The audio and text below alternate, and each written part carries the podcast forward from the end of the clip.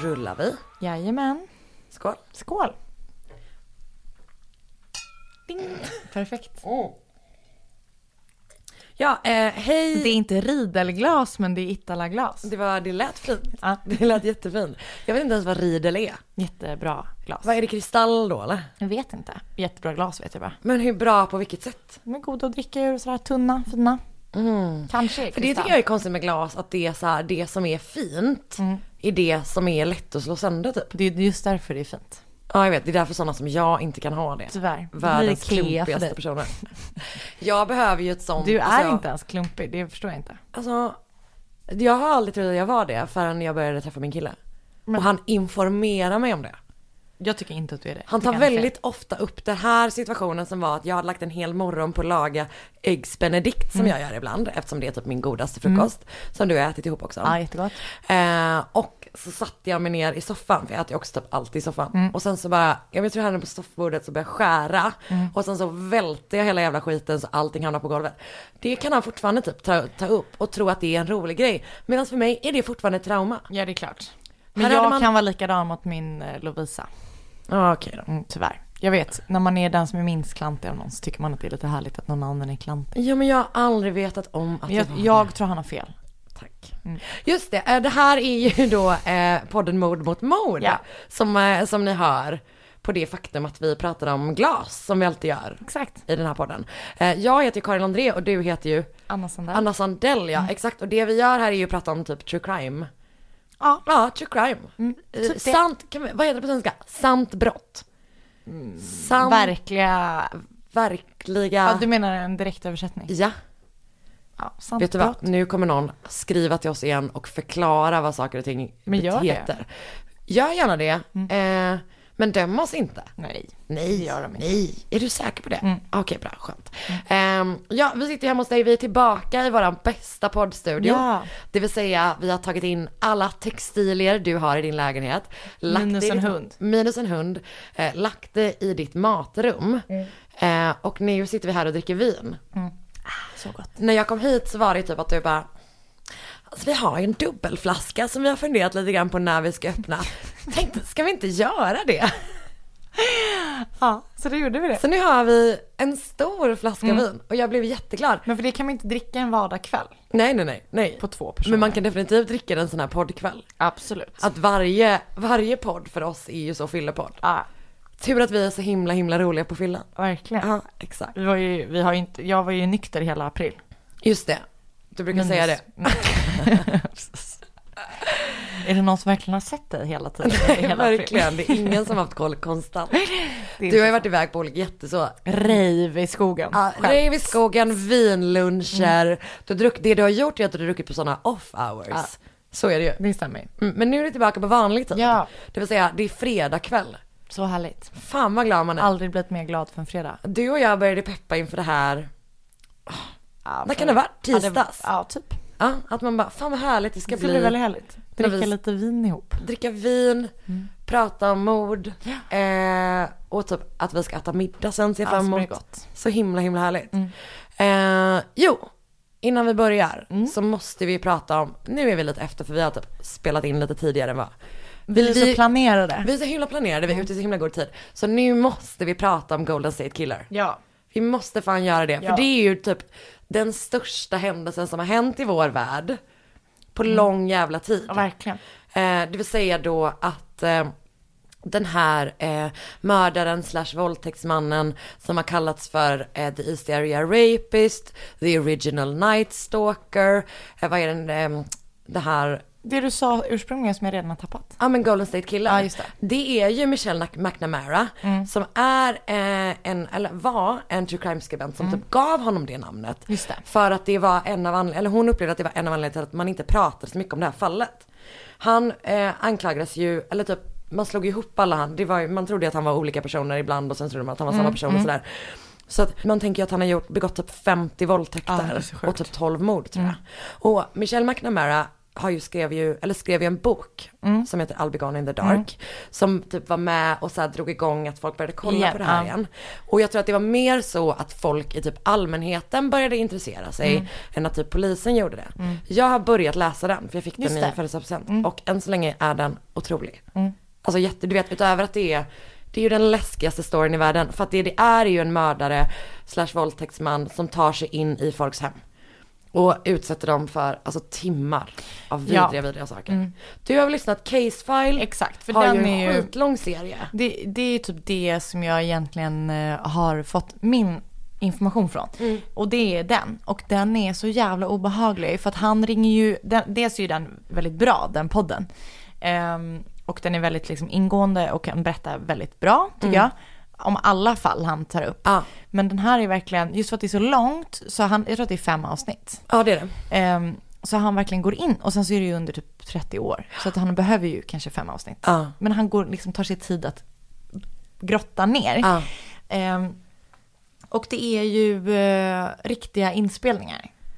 Från när han ringer. Från när eh, den här mannen som då åkt fast ringer till polisen. Ja ah, just det. Visst Fan, är det det? Ja, Ja. eh, jag, jag, jag, alltså vet du vad? Jag ska berätta för dig. Jag klarade inte av att lyssna klart Ja, på den jag är serien. ganska säker på det att han, för nu blev jag, Jag vet ju om att han ringde till polisen Ja och men så. det, och det här är inspelningar från det. Och han är asäcklig. Och min äckligaste grej är att alla offer säger att han inte luktar någonting. Nej men att han luktar äckligt. Ja var det det det var? De säger att han har en lukt som inte går att typ beskriva. Ja det kanske är det som det är äcklig. Ja det var så det var. Men jag, vet, jag ska också, utöver att det var så jävla obehagligt så att jag inte klarade Mm. av att lyssna på det, så var det också att jag hade så himla svårt eh, att lyssna på hur, för att han viskar, han pratar på ett väldigt, han pratar på ett jättespeciellt sätt under Ja, sina nej du pratar. Ja precis. Ja. Eh, och jag kunde, jag kunde, för jag älskar case files nummer Ja. vanligtvis. Men ehm, jag kunde inte lyssna på när han härmade honom. Men är det att han härmar honom? Är det det jag Ja. tänker det? Aha. Nej. Nej, nej, för det nej. här är under, du vet att det är bara så här. I'm gonna fucking kill you. Ja. De där grejerna, eh, jag, klar, alltså jag tyckte att det var så För stelt. polissamtalen är också att han pratar så. Ja, För då ringer han väl och säger saker som typ så här. I'm the hysteria rapist. Typ. Eh, och vi har ju en förhoppning om att vi ska få typ in en superexpert på det här ämnet. Eh, för att det hade varit så himla kul. Eh, för att det är ju, alltså det är ett så otroligt stort fall. Och det är ett sånt fall som, där folk gör någonting som du och jag inte gör. Det vill säga typ försöker lösa det.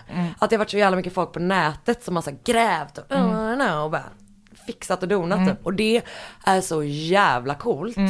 Eh, och också, gud vad vi inte är där. Nej. Vi är ju mer så, vi planerar ju in våran handling inför typ, det är ju vad Ja. vi gör. Vi utvärderar vad vi ska äta till middag när vi ska träffas. Men också, vi hade ju kunnat. Jo fast vi gör ju inte det. Nej. Nej, nej. Jag undrar vad som skulle krävas liksom för att vi, för du Mer tid. men som vi, nej men jag tror Nej inte men ens vet du, för mig är det, jag kan inte ens läsa färdigt en text. Alltså för mig, jag, jag kan inte forska. Nej jag vet. Alltså vår forskning är ju den ytligaste forskningen. Den är tyvärr det. men, men vi har andra kvaliteter Men jag. mer forskning än vad andra gör forskning. Vilka då? Typ de som lyssnar på vår podd. Just det. inte alla. Inte alla, vissa forskar svin mycket. Mm. Eh, men ja, ja, jo men exakt vi, eh, sällan har ju två människor tagit så mycket eh, forskarcredit för att ha gjort så lite forskning som vi Ja. har gjort. Men tillbaka till, eh, Ja. ja. Eh, för det som jag också tänkte på är att han är ju nu då typ 72 år gammal. Men just det, vi ska ju säga, det är ju det som är grejen, att de efter så här DNA, Har fångat honom. att de har tagit honom, och de, det de har gjort är att de har tagit sån här, du vet när folk ska ta reda på sin, sina ancestors, det. Mm. Eh, att det är en sån databas och så har de tagit som familje-DNA och hittat honom på den vägen och det är så jävla Mm. fett. Det är så jävla coolt. Eh, och han är ju då 72 år eller något sånt där Mm. nu. Eh, så det jag är rädd för, med många andra vet jag, är att han typ kommer hänga sig själv eller begå självmord i sin cell. Det sägs ju att det är när människor som har då gjort som han, Mm. begått många brott utan att bli fasttagna och sen så blir, är de gamla när de åker dit. Då är det skitsamma, då hänger de sig. Ah. Typ, det är inte värt det att typ gå igenom en jobbig rättegång eller det är inte värt någonting så här. Och man vill ju veta allt. Mm. Alltså jag vill veta allt, men också är det inte helt sjukt att tänka att han slutade Jo, helt plötsligt? Men han kanske bara ändrade Ja tillvägagångssätt. men det är det man tänker typ, att kan det finnas fler? För samtidigt typ, de tog ju upp Eller så är han för gammal, han typ orkar inte. Nej. För han började väl erkänna typ med en gång. Jo fast jag tänker typ, alltså det var, var det 80-talet typ han slutade. Ja, jag tror det. Eh, då var han ju inte så jävla gammal.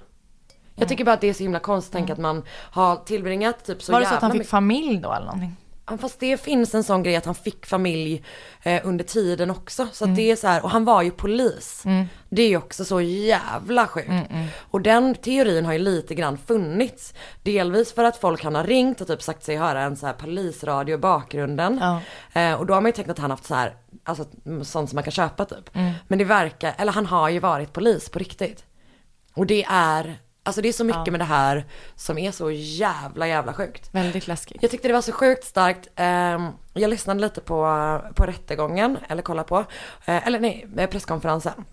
Eh, Och typ att de pratade om så här att han blev så himla förvånad när de tog honom. Fattar du att han tror att han har kommit undan? Under alla dessa år. Men det är inte så konstigt tycker jag att han har trott det, för han har ju kommit undan Ja. i typ 40 år. Jag vet, och det gör mig själaglad av tanken, du vet. För man älskar en sån god gotcha. Verkligen. Framförallt när det är en person som har mördat 12 personer. Allegedly. Eh, och våldtagit 50 personer. Allegedly. Eh, alltså tänk dig när de bara stegar upp och bara, det är du. Det är du, ditt jävla as. Helt sjukt. Och en annan grej som också är så jävla exciting med hela den här grejen. För att jag älskar de här gamla fallen, olö alltså olösta. För att man vet om att mördarna var nog inte så jävla medvetna om DNA-grejen. Nej.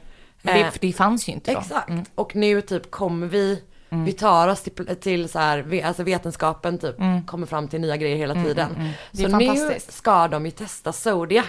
Ah, Med samma, alltså det vill säga också från en sån, ehm, någon sån databas. Eller du vet om de, sådana, sådana som de har tillgångar till. För de har inte tillgångar till alla sådana företag som gör det. nej. Eh, min kollega är ju, Kasper, är ju Mm. typ, det är så givet att han älskar den grejen. Han vill ju bara chippa sig hela dagarna typ. Så han skickade iväg på det och då berättade, berättade han också att han har pluggat på ett universitet i Sverige och typ är kompis med någon person som jobbar där, om det var typ en vaktmästare eller någonting, eh, på Facebook. Eh, och då hade han skickat in sina, sina resultat i en sån och typ la upp sina resultat på Facebook. Och då var han så här, Gud vad konstigt. 5% finsk, det är helt otroligt. Att det var så här, han var 95% svensk. Men sen var han 5% Ja, finsk och var hittar- så ja. Mm. jävla fascinerad över det. Det är väldigt spännande. Jag tycker att det är så härligt. Gud vad roligt. För folk drömmer ju om att få liksom så här långväga DNA-matcher och så istället bara, nej nej. Du är bara, du gick över bron från Haparanda. Men min morfar tror jag gjorde sån gammeldags, eh, eller tror jag, jag vet inte. Släktforsknings... Ja, Mm. för min mammas familj är faktiskt ganska spännande. Och det tyckte han då uppenbarligen också. Mm. Eller liksom det finns så här mycket historia typ i den. Att det var liksom ändå, ja, så. Det verkar ganska spännande. Men jag själv vet inte. Men jag skulle aldrig släktforska, återigen det är det här problemet med att forska. Man Eh, pallar inte riktigt. Man pallar inte, men det är därför, det är, det är därför jag kan typ dras till den grejen att man bara, det enda jag behöver göra är att topsa mig själv. Ja, och jag jag fattar. också lite sugen på att topsa mig själv. Men vet du, vad jag tänkte på apropå det här, en av mina jättenära kompisar, Mm. han jobbar helt plötsligt i samma hus som jag. Eh, och vi, när vi stött på varandra så här, till och från jobbet några gånger. Eh, och då pratade vi om här i går, förrgår, eh, igår kväll kanske det var, eh, när vi gick hem, just om släktforskning. Och eh, så pratade vi om det att hans pappa är en sån riktig föreningsmänniska. Men alla föreningar kommer ju dö ut med de äldre generationerna. För vad finns det för människor som är födda efter 81? Som, eller 75, eller jag vet inte. Ja. Som gillar att vara med i en förening. Kommer det med åldern? Nej, för det, det var det jag sa också. Ja. Eller det är det jag tänkt. Men Martins pappa då alltid varit föreningsmänniska. Som min pappa aldrig varit en föreningsmänniska. idrottsgrejen? Det är allt möjligt. Vadå för något? Jag behöver exempel. Hans pappa är då till exempel med i någon slags båtklubbsstiftelse, eller du vet, styr, nej inte stiftelse, båtklubbsstyrelse, Ja. eh, så seglarsällskap i, som finns, eh, någon slags Rotary-klubb. Ja, ja, alltså, vet, ja. Han är med tydligen i allting. Eh, och till, till skillnad från min pappa, som ändå är 80 år, som gick ur, han lämnade sin styr, eh, han var ordförande i bostadsrättsföreningen. Han bara, lämnade, Ja. pallade inte för att det är så jobbigt att vara med liksom, Jag, har, jag var ju med i mycket föreningar när jag var liten. Aldrig I och med att jag höll på med hästar. Mm. Det, det måste vara ett släktdrag. Jag var ju, eh, nej men, ja. Jag var ju med i, alltså jag var ungdomsansvarig i min lokala islandsförening när jag var typ så här 10 år gammal. Sen var jag ungdomsansvarig i hela västra Sverige när jag var typ 15. Undrar vad du hade för riktigt ansvar när du var tio år gammal. Nej men alltså ingenting. Eh, men eh, det fanns inte så mycket ungdomar som höll på med islandshästar i Lerum typ. Nej. Jo det gjorde det visst det, men jag var the leader. Eh, och det var ju, alltså jag har sådana traumatiska minnen från sådana eh, styrelsemöten. Det är klart, det var hemskt. Vet du vad, ska jag berätta för dig om en gubbe som var med där. Jag tror inte ens han hade en häst. Han hade bara nosat sig till en förening. Såklart. En sån. Och då skulle vi typ ordna någon tävling i så västra Sverige. Vet du vad? Varenda möte, det enda han pratade om, det här var i Göteborg uppenbarligen, Mm. kommer bli superklart nu. Det enda han pratade om, varenda möte tog upp som typ så här. Hur spårvagnen stod stilla på vägen till mötet eller? nej. Gud vi har andra problem. Eh, nej, det enda han pratade om var att han arrangerade räkfrossa på Avenyn. Men gud, jag vill träffa honom. Det är det enda anledningen till att jag vill åka till Göteborg. Va? Jag skojar. Jag ska visa dig vart jag kommer ifrån. Men alltså du vet, och jag var satt där och var 15 år gammal, satt i någon sån byscha. Mm, vet inte vad det är. Men Det är en- men typ som en barack liksom. Eh, ute vid någon sån jävla bana ute i skogen på något årsmöte. Eh, skittrött du vet. Hade väl redan börjat tänka på, man bara, kanske ska jag börja röka? Alltså du vet, jag var liksom såhär, började bli lite alternativ, hade pikat två år tidigare i min Hade pipa, tävlingskarriär. jag skulle säga. Ja, jag hade Hade börjat pipa. röka pipa. Och där satt den här gubben och det enda han tog upp varenda jävla möte var den här fucking räkfrossan Han på kanske, han kanske bjöd in er och du inte fattade det. Nej, det var långt tidigare. Det var som att han bara läste upp sitt CV och på sitt CV Ja, stod jag bara... jobbar med räkfrossa Ja. på Avenyn. Men för räkfrossan på Avenyn var ju det som föranledde Göteborgskalaset som, var, som sen blev Kulturkalaset. Ah, okej. Så eh, det var Ändå, ändå förkämpe. ändå förkämpa och jag tror att det det var var att man ställde upp långbord på Avenyn eh, där man åt räkor. Nu pratar vi om ord istället. Nu pratar vi om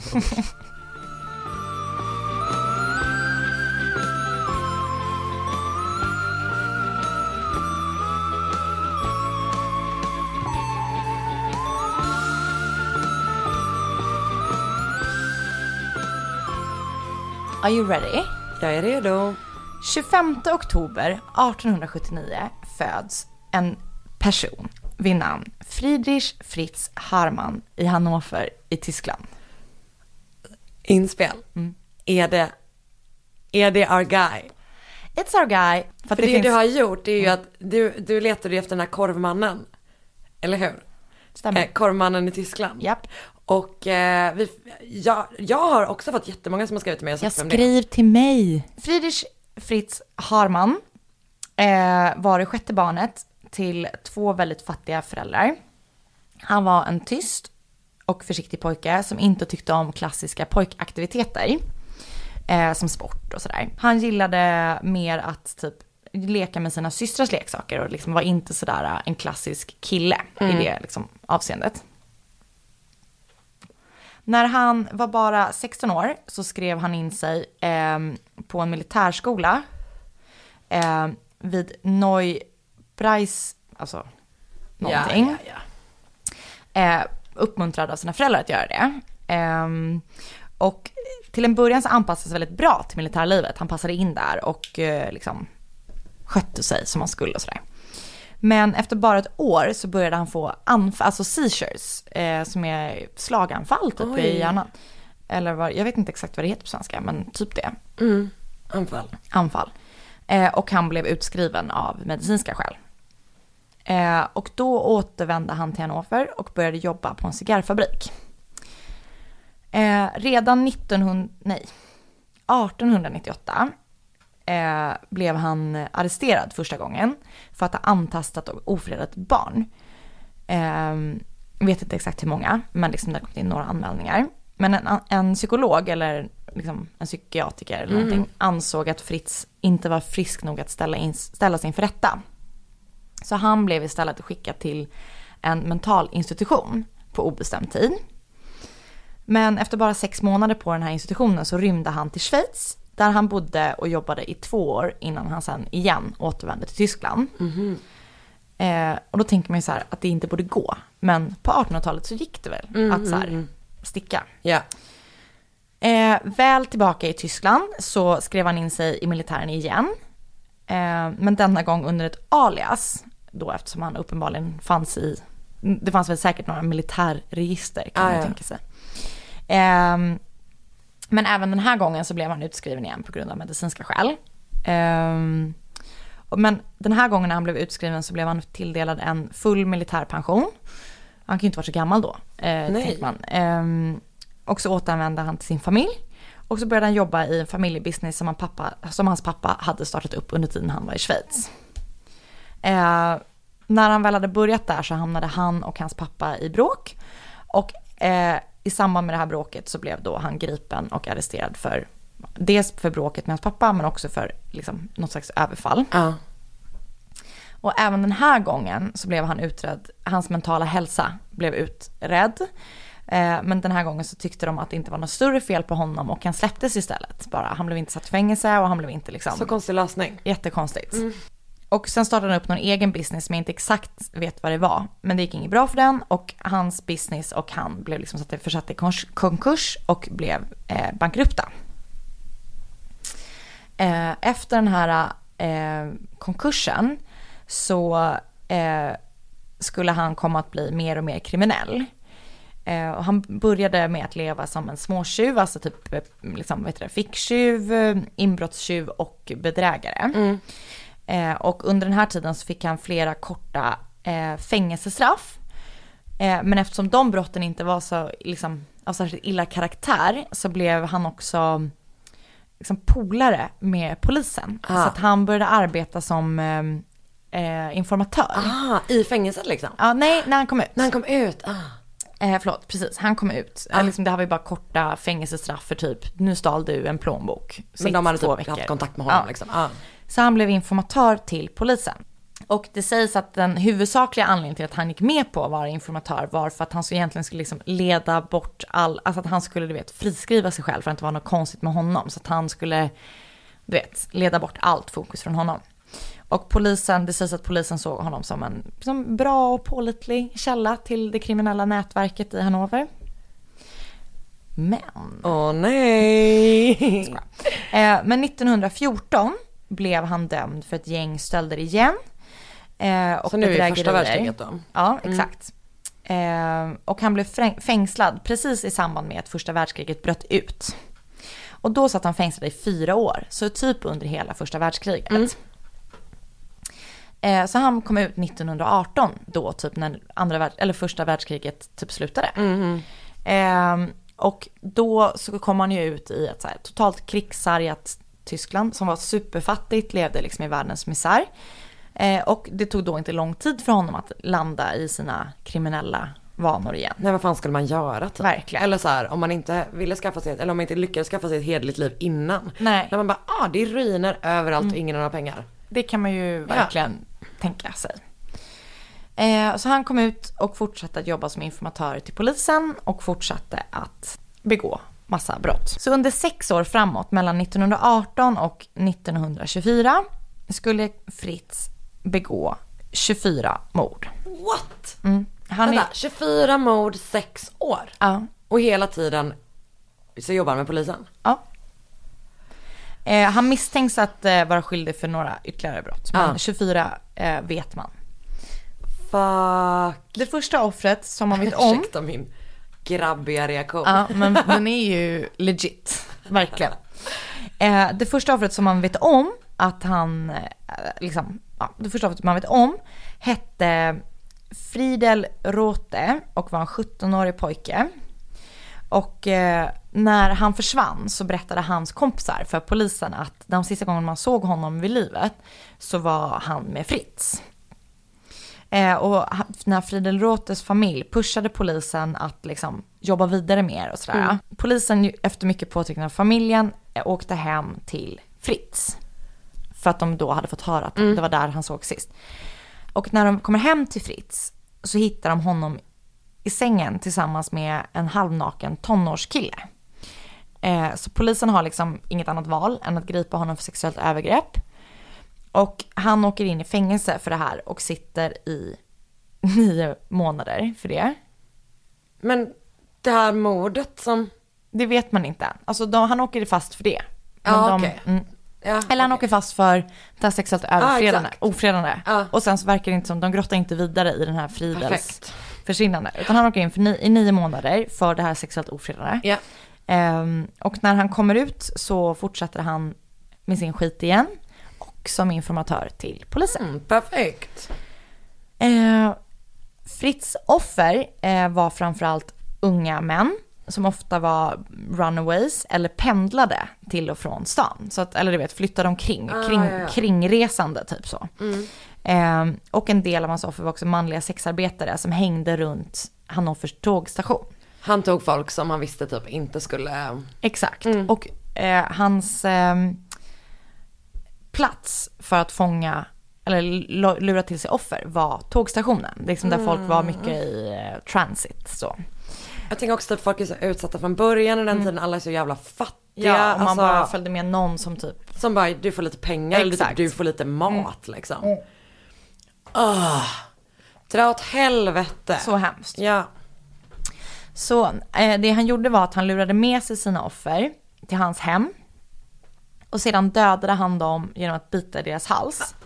Nej! Ja. Men det kan du inte bara säga så. Förlåt. Ibland så bet han dem också samtidigt som han våldtog dem. Så han våldtog sina offer och sen bet han dem till döds. Och ibland samtidigt. Men vänta, det här är liksom en, en vampyrperson. Mm. Han bet, alltså halspulsåder då gissar jag. Ja, Men Anna, att du inte förvarnade mig. förlåt. Att det var som att du sa så här, ja ska vi gå och äta lunch? Förlåt. Det var det. Jag ber verkligen om ursäkt. Nej. Mm, så hemskt. Ah, åh, det är liksom både äckligt och supersorgligt. Mm, det är verkligen det. Precis de två sakerna. Eh, alla hans offer blev, eh, efter de blivit dödade, styckade och sen dumpade han dem i Lane, Lanefloden. Som det, vet inte om det heter. Eh, Fritz Ja, det var den här vinkvällen förstörd. Ja, förlåt. Vi dricker Jesu blod, det är Ja, lugnt. det är okej. Ehm, Fritz sålde många av offrens tillhörigheter på svarta marknaden. Och en del saker behöll han själv. Alltså kläder, smycken, klockor, vad det nu kan ha varit. Um, och en del gav han till sin älskare Hans Grans. Uh, för han hade då en älskare som sägs ha varit en person som han träffade på Hannovers tågstation någon gång. Som hjälpte honom och uppmuntrade honom att döda folk för att få deras pengar, smycken, kläder, allt sånt där. Så att han hade liksom en, eh, typ en medhjälpare som också var hans älskare. Men vet man om det var typ att så här, han hade tänkt att mörda honom men sen så, Ja, men det, nej, det vet jag inte. Nej, nej. Mm, De har i alla fall stött på varandra där. ja. Ehm, och i maj eller juni har jag skrivit, jag vet inte varför, i början av eh, sommaren. Slut på Vår, våren. sommar. Mm.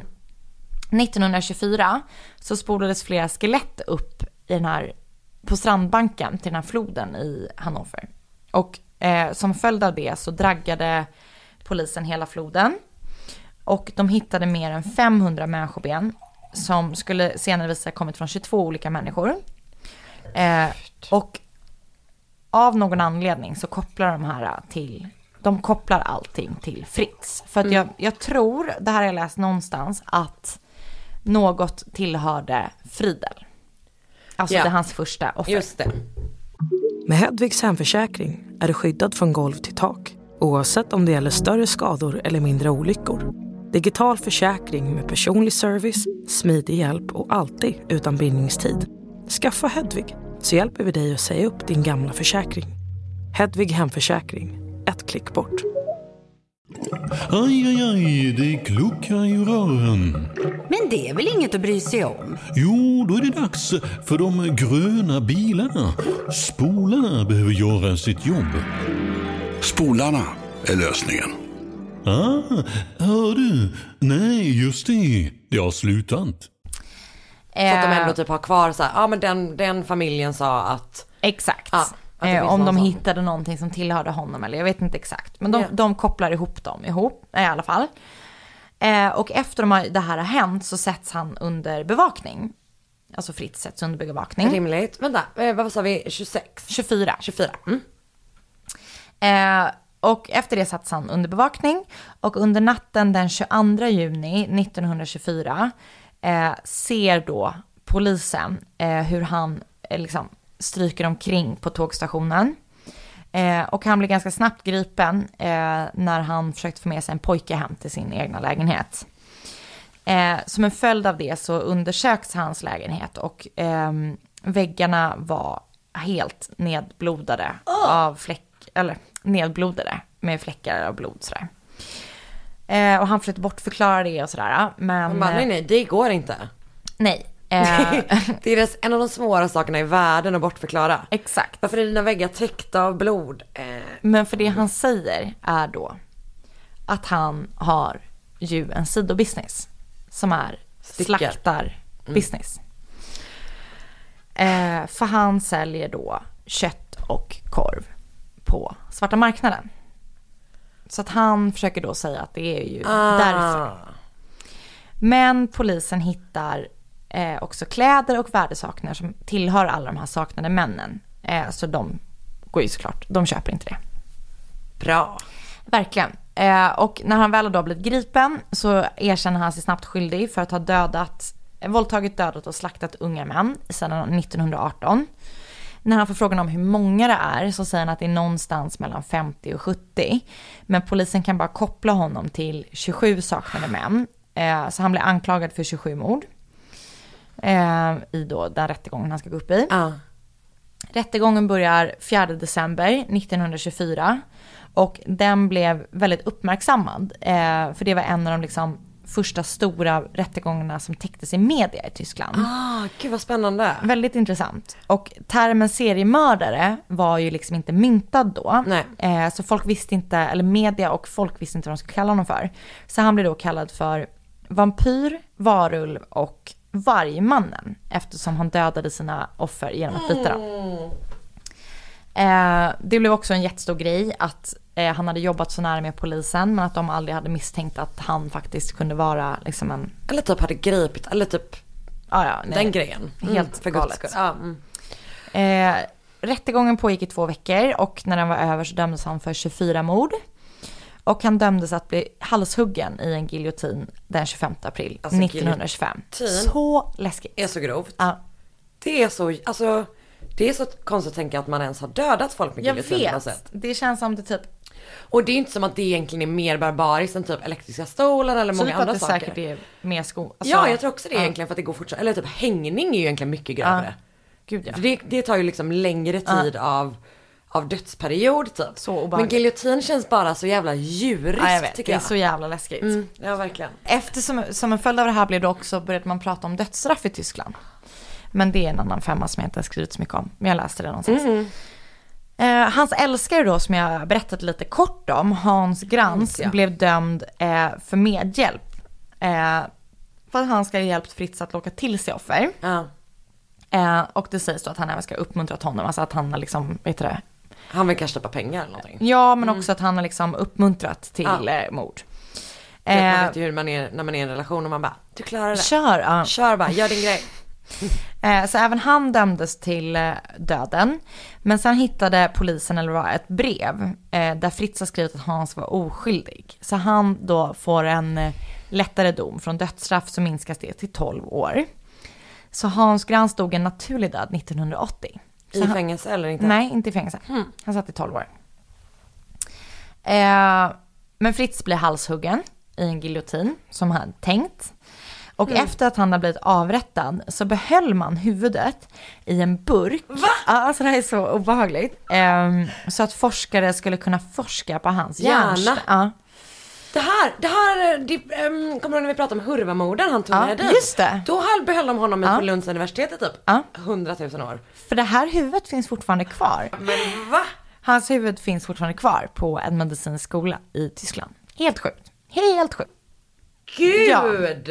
Så det här var då The Butcher of Hannover. Just det, slaktarna av Hannover. Men en sak, eh, jag har två reflektioner. Ja. Ett. Jag är inte färdig, men Nej, jag förstår. kör. Ja. Ja, jag tycker att, vill du köra, vill du? Nej. För jag tycker att det är ett, att det är kul att eh, det finns en svart marknad för korv. Men det var ju för att det inte fanns Just det. någon mat. Alltså det var inte bara jag får- att man inte fick äta jag korv. får- Jag var så himla mycket, du vet att det går en sån gubbe i typ kanske så Ja. som öppnar, Korv, ja, här men som var har, ja, korv. öppnar rocken Ja. och så hänger det olika, du vet att det kanske är någon sån chorizo, fouette och sen så bara någon wurst. Eh, men jag, jag inser att det nu, var krig. det var ransonerat, ja jag förstår det nu och känner mig dum men tyckte ändå att det var ett rimligt inspel. Gör aldrig det. Eh, Kände jag aldrig dum med det. nummer två. Gör aldrig inspel. Gör aldrig inspel igen. Nummer två. Mm. Eh, det här var ju inte den personen som du efterfrågade. Nej. Eller hur? Mm. Jag tror typ inte det. För det jag ska komma in nu på Ja. Är att när vi väl är inne på korvmakare. Vilket du och jag är ofta. Jämt. så måste jag ju också nämna en annan person som jag också blev tipsad om. Det kommer till ett tillfall. Det här kommer vara extremt kort för att anledningen till att jag inte, det, fanns, det finns ingenting Förstår, förstår. Men 1863 så föddes Karl Grossman i Neurappin nära Berlin. Och till skillnad från då Fritz, som det finns ganska mycket fakta om, så vet man jättelite om hans uppväxt. Det man vet är att han hade en sadistisk sexsmak. Om man nu kallar det för sexsmak, jag vet inte. Vart har du copy-pastat det ifrån? Sadistisk sexsmak. Vad heter det? Sex... Eh, sadistisk... Nej men alltså antingen är man sadistisk. Eh, Man, alltså man kan ju ha typ, eh, man kan ha ett BDSM-förhållande och en, alltså en fetisch och att det allting är, eh, du vet att allting är överenskommet. Men Alltså nej, det är ju känns- taget någonstans ifrån. Ja, sexsmak. Jag vet inte, men det var det man visste. Gud du har varit inne på något så jävla skevt forum. Han hade en sadistisk sexsmak. Mm. Och han blev flera gånger arresterad för övergrepp mot barn under sin liksom tidig ålder ändå, eller under sitt liv. Runt 1921, eller nej, 1921, när han är runt 60 år, grips han i sin egna lägenhet i Berlin efter att grannar har hört skrik och dunsar i väggarna. Eh, och när polisen kommer dit så har de hittat en, hittar de en ung kvinna som nyligen blivit mördad i hans säng. Mm. Sadistisk sexsmak. Exakt. Så han grips såklart där då, liksom på plats och blir åtalad för mord. Och hans grannar berättar att han ofta haft kvinnliga besök i lägenheten men att man aldrig riktigt har sett dem gå därifrån. Eh, för under första världskriget då så har, vet man också att Grossman har sålt korv på tågstationen i Berlin. Och att han haft, utöver sitt korvstånd, har han haft kött, mark, liksom han har sålt kött på svarta marknaden. Nej. Och även då i det här fallet, även som man då miss, det här verkar vara mer tydligt att han har gjort det. Man, man har starkare liksom indicier på att han har gjort det Ja. än i Fritz-fallet. Ehm, så t- eh, tror man då att köttet är eh, från hans offer, eller var från hans offer. Och även i det här fallet så hittade man ben och skelett från de troliga offren i, vad heter floden i Berlin? Fan det vet jag ju. Den heter Spree.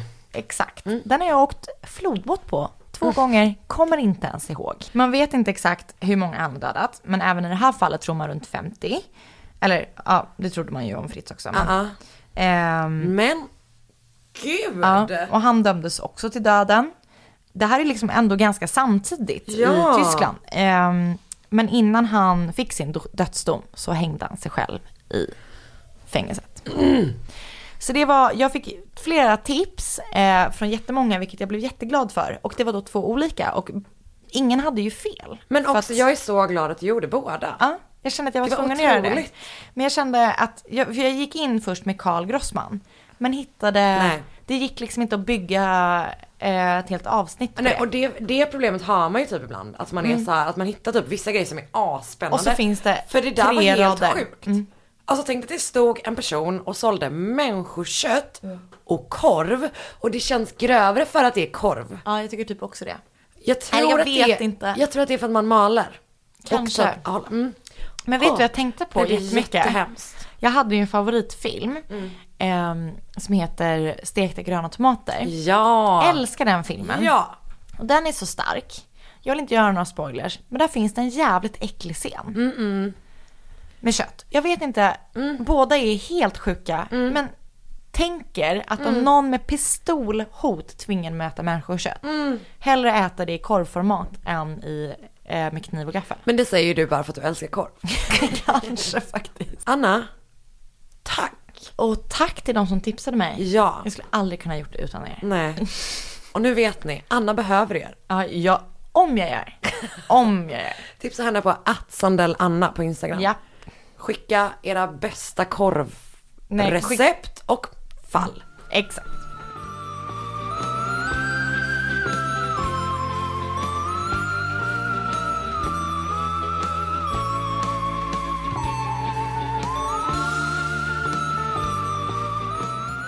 Jo, jag var i nu över Valborg och första maj hemma i Göteborg.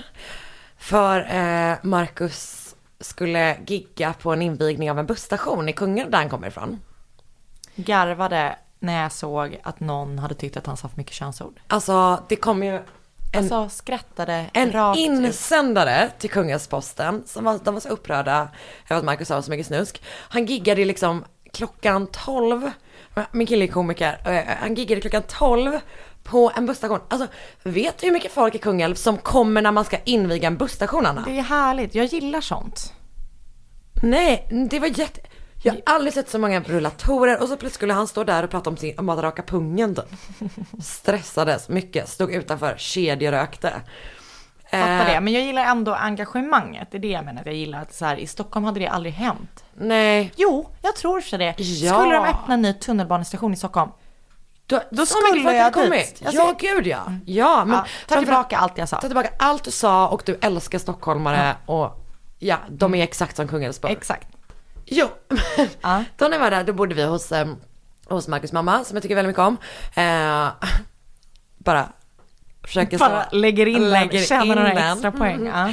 Ehm, och då sa hon så här, hon bara, för vi pratade om typ om podden, eh, någonting bara randomly. Och så sa hon typ så här, hon bara, ja, ehm, min morfar, alltså Marcus gammelmorfar, Var när han mördare. låg på ett sjukhus, eller på ett sjukhem, så påstod han att han låg där, att hans rumskamrat var mördare. Okej. Och hon bara, det här är typ detaljerna. Vi vet inte, vi tror att han blev dement. Alltså du vet så här, vi visste inte riktigt om det var sant. Kan du inte, du kanske borde kolla upp det. Har Jävlar. gjort det. Fan vad sjukt. Så jävla sjukt. Så jag tänkte berätta om det. Kul. Jättespännande. Vårt skådespel tar plats i Hälsingland. Cecilia Ekestang var 62 år gammal 1965 och hon bodde i Stockholm. Hon drev blomsteraffärer. Ja, gulligt. Mm, jag vet, mysigt. Men hon drömmer om att flytta till Hälsingland. Hon vill odla jordgubbar och hon vill eh, ha får. Hon har bott där tidigare under tio år, så hon har typ en relation till liksom, området och så. Och nu vill hon flytta tillbaka. Eh, så i juli 65 så får hon tips om en gård som är till salu i Bergvik utanför Söderhamn. Hon bestämmer sig för att åka och kolla på den. Så när hon är typ ute och så här, inspekterar ägorna så får hon syn på en man som på granngården håller på med höskörden. Utan tröja. Utan tröja, musklerna svällde, Ja, lite svettig. härligt. Det här hittar jag på precis. Men det sätter Men det scenen. Verkligen. Jag flyttar. jag tar den. Gud, Anna från Hälsingland, bara kör, bara Ja. kör. Eh, men det är typ så här, kärlek vid första ögonkastet. Eller det är det inte riktigt, för att när de väl börjar prata så säger han så här. Dig har jag sett förut. Jaså. För 13 år sedan i en affär i Bollnäs. Så. De börjar prata, hon, han får reda på att hon ska så här, eh, ta över gården. Eh, och innan de skiljs åt ska han ha sagt, det är väl dig jag ska ha. Gulligt. Äkta gulligt. Mannen som säger det här heter Gunnar Bengtsson. Han har vuxit upp som enda barnet på ett torp i Villsjön, som är typ också utanför Söderhamn. Eh, hans främsta intresse i livet är jakt och skytte. Han har två misslyckade försök till förhållanden, typ att han så här, de har varit otrogna mot honom och sånt. Ehm, och han är liksom känd i bygden som en enstöring. Fram tills att hans föräldrar har dött så har han bott hemma hos dem, förutom när han var i militären, eh, vid något torp i då eh, Villsjön. När de väl dog så köpte han den här gården. Eh, och har då bott där. Och även fast han är känd som en enstöring, lite märklig, så också typ supersnäll, han är väldigt hjälpsam, alla gillar honom. Men han är, han är ensam liksom. Han är en sån kollar på porr mycket på kvällarna. Jo, men ja, i tidningar då. Ja. Han köper mycket tidningar, kanske. Kanske. Kanske. Man vet inte. Cecilia flyttar då in på den här gården och de inleder en relation. My- Som grannar, eller hon Som- flyttar inte in på han. Nej, först Nej. flyttar hon nog in hos, hos, på sin egen gård liksom. Kan du ens förstå något mysigare? Att de, så här, de bor på ett ställe som heter så här Ängarna typ. Och så Det är har de en så knullig höstacksrelation. Ja, det är, Det är äkta supermysigt. ja, okej. Ja. Men har svårt att relatera, men okej. Hon kommer över till honom hela tiden och typ deras relation djupnar och allting är superhärligt. Så redan 27 augusti 65, hon är där i juli och kollar på gården. 27 augusti förlovar de sig. Eh, och då flyttar hon också in hos honom. Men eh, hon vill liksom fortfarande äga den här gården. Jag tänker typ att det är en sån grej att man bara, det här är min dröm typ. Men hon fick typ, jag tror att hon fick 12 000 för att när hon sålde sina blomsteraffärer i Stockholm. Eh, men ganska mycket, 65 säkert, tänker jag. ja. Vi vet inte vart de låg. Nej. Jag försökte verkligen på riktigt kolla upp vart de låg. Jag tror att det typ var mycket pengar då faktiskt. Ja, ja, men jag tror också det. Men då lånar hon 5000 kronor av honom för att så här, börja betala av Mm. på gården ytterligare typ. Ehm, så hon äger liksom inte gården. Men det är hon som har, hon, jag vet inte, det blir någon sån renderingsgrej Ja. kanske. Men hon bor då hos honom. Och i november samma år så vill Gunnar gifta sig. Men Cecilia är så här, jag vill inte göra det förrän jag har löst allting med gården, jag vill typ ha min egen grej.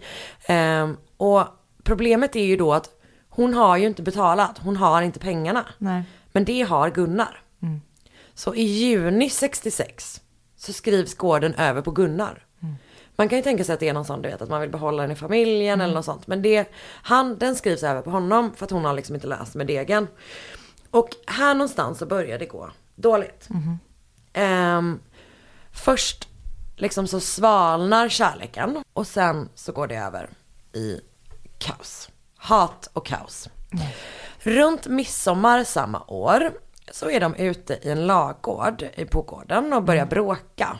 Och det jag lyckats läsa mig till om varf, var, varför de bråkar är för att typ ett barnbarn till Cecilia ska ha gjort någonting och då ska han ha lackat ur. Det slutar i alla fall med att han enligt henne då attackerar henne med någon slags hacka. Ja. Alla Eh, sådana hack... Jag vet, yxor får ju du panik av också. Alltså, Mm. Men jag ska hacka lugna kanske dig. ännu värre. Hacka mycket värre tycker jag. Eh, men jag ska lugna dig. Okej, tack. Hon lever. Ja. Hon Med överlever. hackskada eller? Nej, jag tror att hon lyckas fly.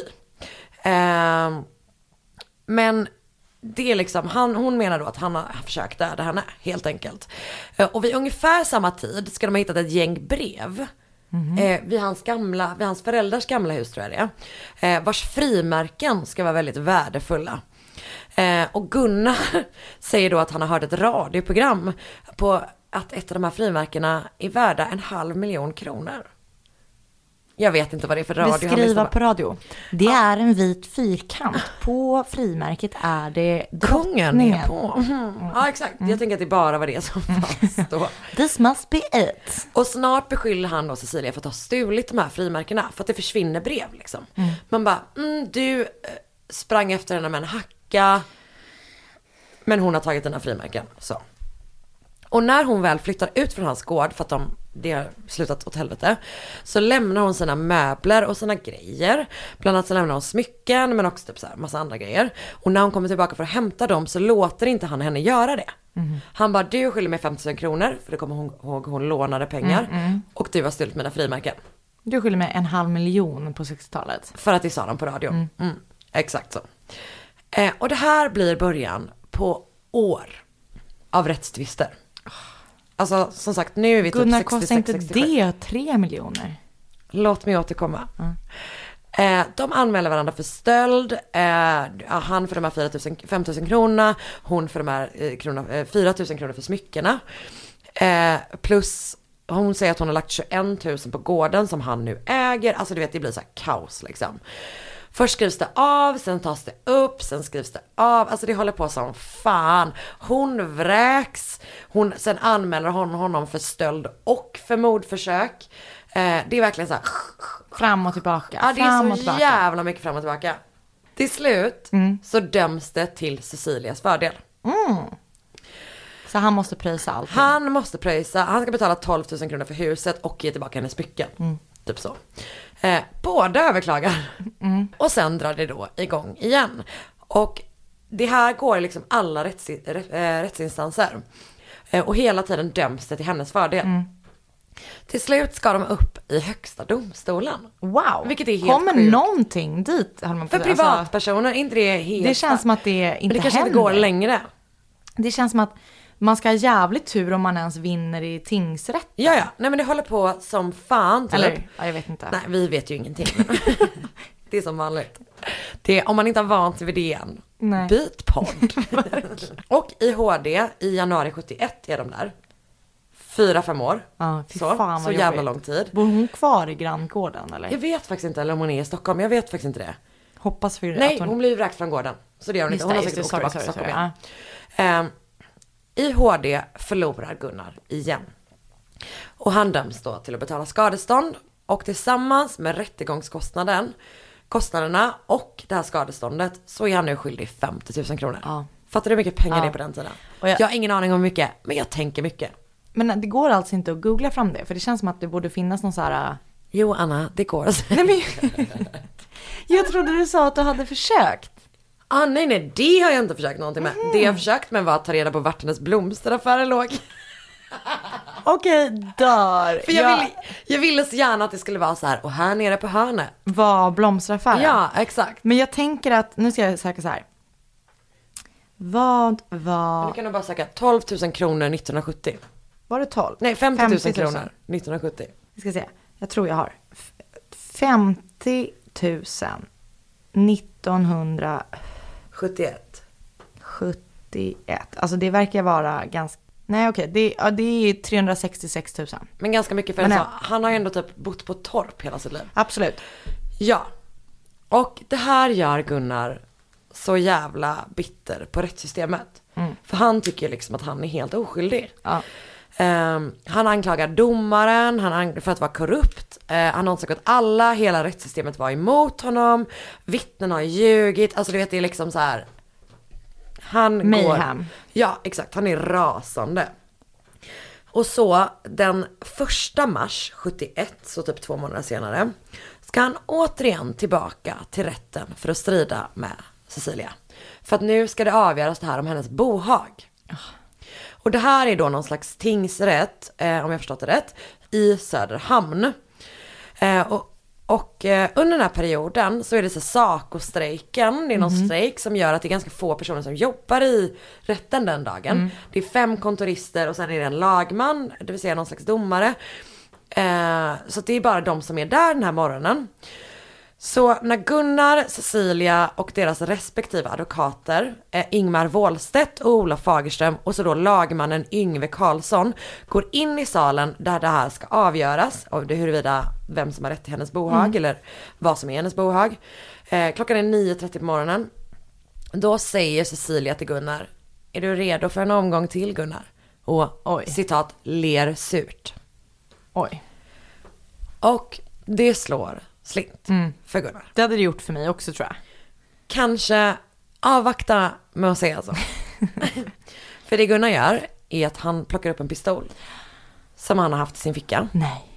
Och som du kommer ihåg, skytte och jakt har varit liksom hela, så han har varit så här omgiven av vapen, han har bra koll på vapen. Först avfyrar han tre skott mot Cecilia. Nej. Ett i handflatan, Aj. två i bröstet. Aj.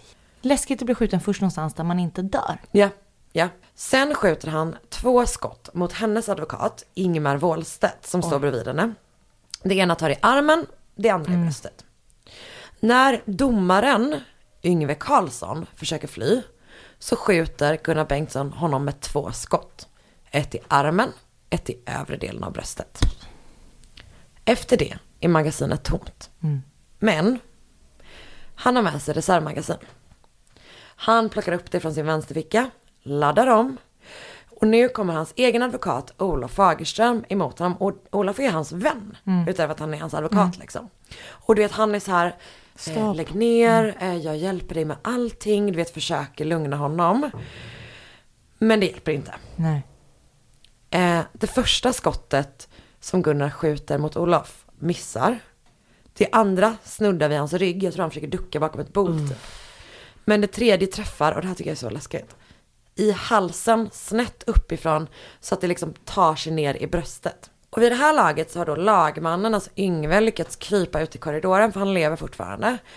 Eh, men Gunnar typ går ut och kollar och inser att han är död. Så han går tillbaka in i salen igen.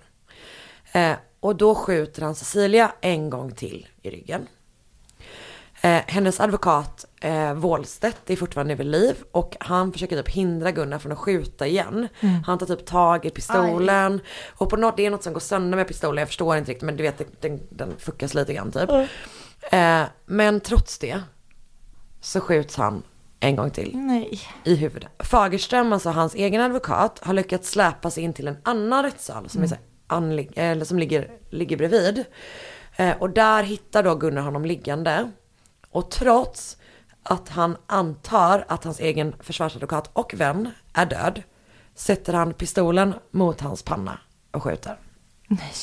Han kommer senare säga att han behandlade det här som typ en jakt. Och typ, du vet, nådaskott är ju en grej. Att det var det han sysslade med här liksom. Det här tar tre minuter. Skämtar du? Sen har han avlossat, Gunnar Bengtsson har avlossat, avlossat 13 skott. Dödat fyra personer i en rättssal i Sverige. Fan vad sjukt. Och kontoristerna på tingsrätten, de får ju panik. Såklart. Såklart, för de hör det här. Jag tror också att de lyckas kolla ut och ser honom typ gå ut och så här kolla han lagmannen och inse att han är död liksom. Eh, de hör vad som händer de, och de gömmer sig på ett kontor. Och när Gunnar är på väg ut så drar han i dörren till kontoret. Och de är så här, ah, okej nu kommer han skjuta oss. Men istället så lämnar han, tar sin portfölj, sin hatt, sin rock och går därifrån. Usch. Eh, de eh, ringer polisen förstås och det, alltså rikslarm går ut. Det är verkligen så här, man vet inte vart han är, man vet om att han är beväpnad, man vet om att han är superfarlig. Eh, man skickar ut folk för att jaga honom, alltså polisen för att jaga honom. Folk uppmanas att stanna hemma, någon skola i så här, trakten får Ja. utegångsförbud. Alltså du vet det är liksom mm, Pådrag. kaos, typ. Men det visar sig snart att Gunnar har gått eh, och plockat upp, först plockat upp lite polkagrisar. Vilket jag typ Fy fan vad gulligt, förlåt jag gäspade precis du sa det. Men det är eller gulligt kanske. Men ändå. Jag som så minst fantast. Var han så sugen att Han han, var tvungen? eller så sjuk. Att han bara, eller ja. Jag tycker inte det är sjukt att gilla polkagrisar eftersom jag gör det jättemycket. Eh, men ja, han går och köper det. Och sen promenerar han hem till sin kusin som bor utanför stan, tre kilometer. Eh, och när han kommer dit, han bara, jag har gjort det här typ. Alltså han hade vet så här, blod i ansiktet, allting. Så eh, kusinen kör honom till polisen. Åh gud. Ett par dagar se- och han åker, han åker dit, han erkänner direkt. Också bra, bra grej att säga. Ett par dagar senare så åker polisen ut till hans gård för att göra en husrannsakan. När en polis öppnar en dörr löser en explosion ut sig. Nej. Som startar en brand. Som startar fler explosioner. Så att hela jävla gården är liksom riggad. Det bara smäller som fan typ. Och sen så brinner hela skiten ner till, Skämtar du? till, till grunden liksom. Vad sjukt. Eh, Så han har typ så här minerat hela jävla gården. Vilken dåre. Japp. Eh, Han påstår dock att det inte är han som har gjort det. Nej men det är inte han som Det är inte han som, gud, vem- varför ska han göra det? Då har han ju tänkt typ att han ska göra allt det här innan han stack till domstolen. Ja, men han var ju så jävla bitter på rättsväsendet liksom. Så, han anklagas för fyra mord och olaga vapeninnehav. Eller som jag har skrivit i mina anteckningar, olaga vapeninnehåll. Perfekt. Men det döm, man, man döms inte för typ, det där borde väl vara mordförsök eller? Vad du tänker på gården? Ja. Mm, ja, nej, det är de här fyra mord och olaga vapeninnehåll. Innehav. Fan. Som advokat så får han Henning Sjöström som var typ, jag började läsa om honom också, du vet om han var på ett sidospår, men bara det här är så intressant. Han var typ Sveriges första kändisadvokat. Aha. Han, eh, bland annat så var han Leif Silberskis mentor senare. Men han var, jobbade bland annat med eh, Neurosedynbarnen, du vet. Oj, jaha. Och wow. även Haijby-affären. Du vet han, Leif Haijby som påstår sig ha haft en affär med kungen.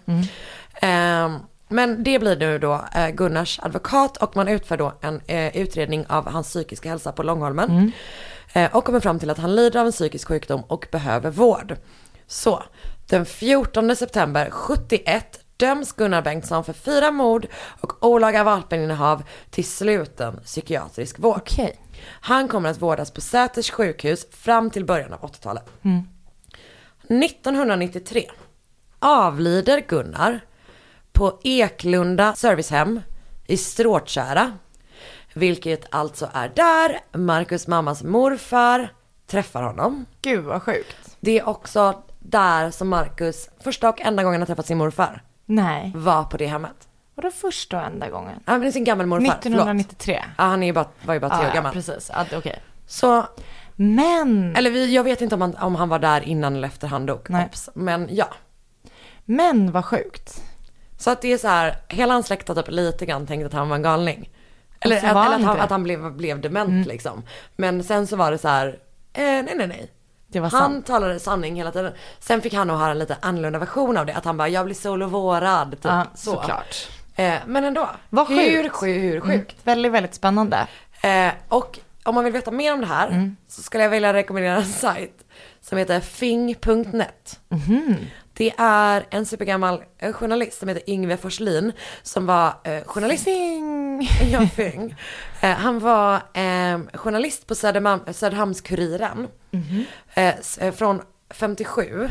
Eh, och sen när han gick i pension så blev han kursör fram till 2011. Han jobbade där i 54 år. Och han har skrivit om det här, så om man söker på Tingshusmorden Ja. och eh, Yngve Forslin så borde man få upp, han har skrivit en lång grej. Det fanns supermycket intressant information där. Gud, så jag tycker kul. att man kan kolla det. Eller kul, men vad Kul. intressant. Ja. Tack snälla. Så det där var då Tingshusmorden. Den blodigaste händelsen i svensk historia i, eh, liksom i en rättssal. Fan vad sjukt. Tack snälla, det var väldigt intressant. Det var väl det vi hade att bjuda på. Ja, precis. Rent mordmässigt. Men så ska vi ju inte missa att säga att eh, man får inte missa att titta på Marcus, Henrik och. Karls fantastiska tv-serie på Mot- SVT Play. Motorcykelkriget. Ja, Exakt. Eh, Marcus då, min kille Henke som har gjort våran eh, jingel. Fantastiska jingel. Underbara jingel och även eh, Carl Stanley som har lärt mig hur man använder den här jävla skiten eh, till mikrofoner, exakt, som ni hör att vi är väldigt bra på. Mm. Eh, de har ju släppt en serie som ligger på SVT Play, jag tror att när vi släpper det här avsnittet så borde kanske mm, avsnitt fyra vara på väg ut. Jag skulle tro det. Mm, tre, nej, fem kanske. Fyra avsnitt ute, ett femte kommer. Eh, så kolla på Motorcykelkriget Mm. Kolla på det i alla fall. Mm. På SVT Play, för det är superhärligt. Önska fall av oss, eh, det gör man på Instagram. Man skriver till dig på att Sandell Anna eller mig att Karin Londre. Eh, så hörs vi nästa vecka. Bye! Med Hedvigs hemförsäkring är du skyddad från golv till tak oavsett om det gäller större skador eller mindre olyckor. Digital försäkring med personlig service, smidig hjälp och alltid utan bindningstid.